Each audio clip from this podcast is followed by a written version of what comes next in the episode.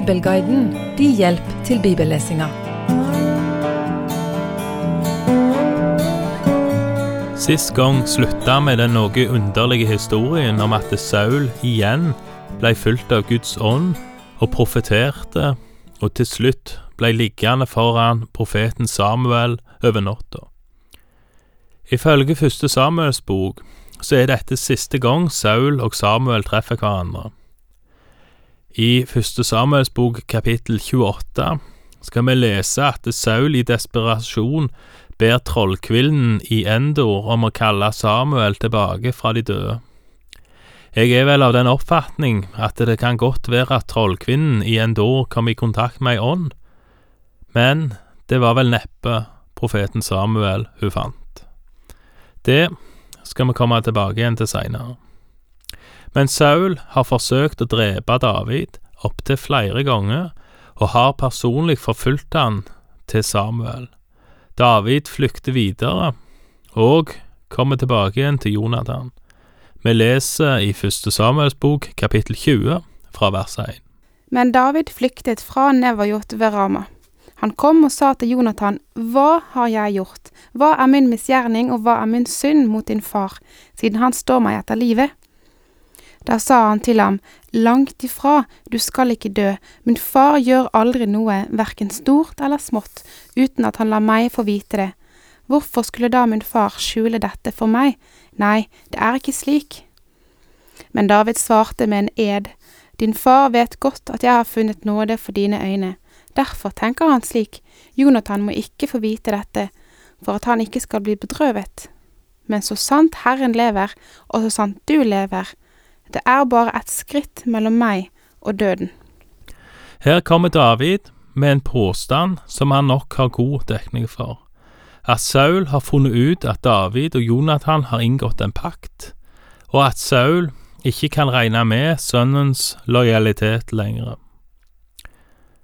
Selv om Guds ånd har forsvunnet fra Saul og er over David, så forstår jeg litt av sinnet til Saul over David. Alt lykkes for David, og både hans egen sønn og hans datter lyger for faren, for kongen, for å dekke for denne gjetergutten. Legg òg merke til Davids ord om at det er bare ett skritt imellom han og døden.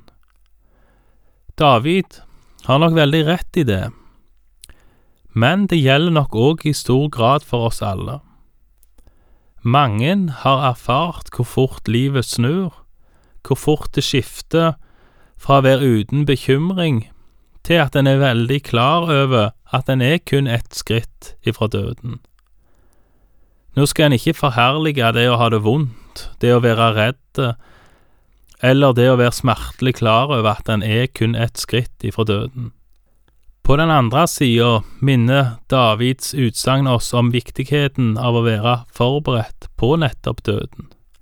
Jesu egne ord fra både lignelsen om brudepiken i Mattes 25 og historien om den rike mannen og Lasarus i Lukas 16 minner oss om viktigheten av å huske på at en alltid er kun ett skritt ifra døden.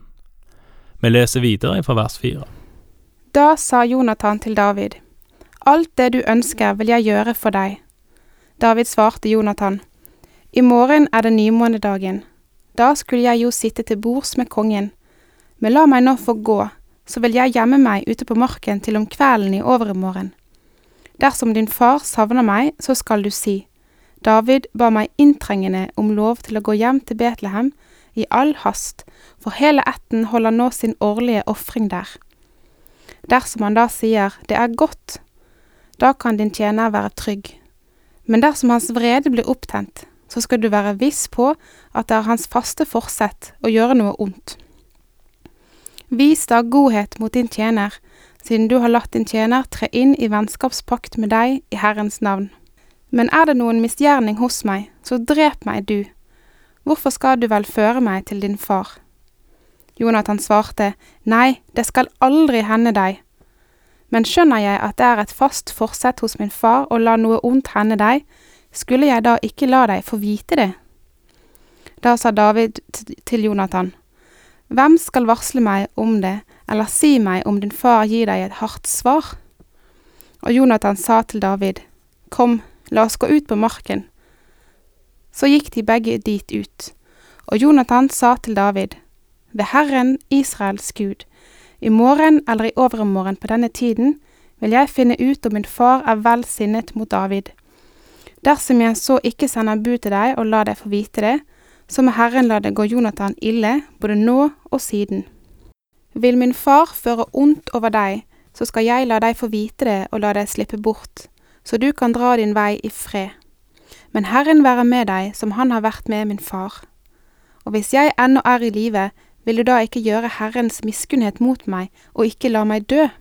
Aldri noensinne vil du ta bort din godhet fra mitt hus, ikke engang når Herren gjør ende på Davids fiender og utrydder dem alle som en av jorden.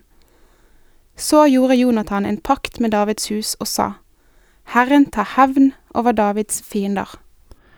En kort kommentar her. Legg merke til Jonathans ord her.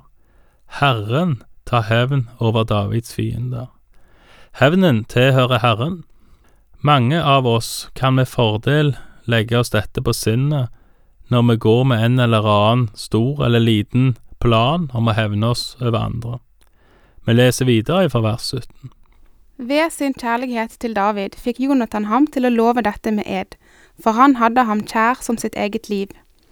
Så sa Jonathan til ham, I morgen er det nymånedagen, da vil du bli savnet når plassen din er tom. Men gå i overmorgen fort ned til det stedet hvor du holdt deg gjemt den dagen ugjerningen skulle vært utført, og sett deg ved eselsteinen. Da skal jeg skyte tre piler bortover mot deg som om jeg skjøt til måls. Så skal jeg sende tjeneren min dit bort og si, Gå og finn pilene. Sier jeg da til tjeneren, Se, pilene ligger hit hen for deg, ta dem. Så kan du komme.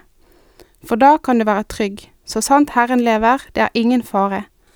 Men sier jeg til den unge mannen, Se, pilen ligger bortenfor deg, så må du gå, for da vil Herren at du skal dra bort. Og når det gjelder det vi har talt om, jeg og du, så er Herren vitne mellom meg og deg til evig tid. Så gjemte David seg ute på marken. Da det ble nymåne, satte kongen seg til bords for å holde måltid.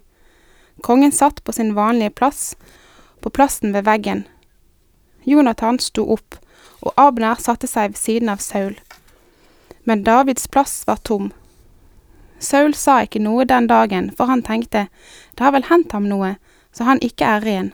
Nei, han er sikkert ikke ren.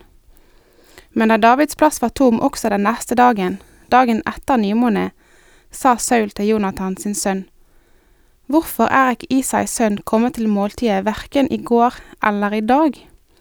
Jonathan svarte Saul, David ba meg inntrengende om å få lov til å gå til Betlehem. Han sa, Vær så snill og la meg få gå, for hele ætten vår holder en offerhøytid i vår by. Min bror har selv pålagt meg å komme. Hvis jeg har funnet nåde for dine øyne, så gi meg lov til å dra bort og hilse på brødrene mine. Derfor er han ikke kommet til kongens bord. Da ble Sauls vrede opptent mot Jonathan, og han sa til ham, Du sønn av en dårlig og gjenstridig kvinne, vet jeg ikke at du har Isai sønn kjær til skam for deg selv og for din mor som fødte deg? Så lenge Isais sønn er til på jorden, er verken du eller din kongemakt trygg. Send derfor bud og hent ham hit til meg, for han er dødsens. Jonathan legger en listig plan for å kunne gi beskjed til David uten at hans følge forsto at det ikke bare var våpentrening han drev med.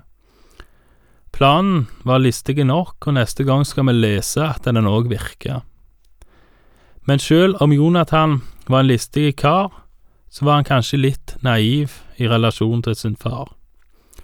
David hadde nok rett, og med stadig å vise faren at han har en relasjon til David, blir Jonathan òg gjenstand for kong Sauls vrede.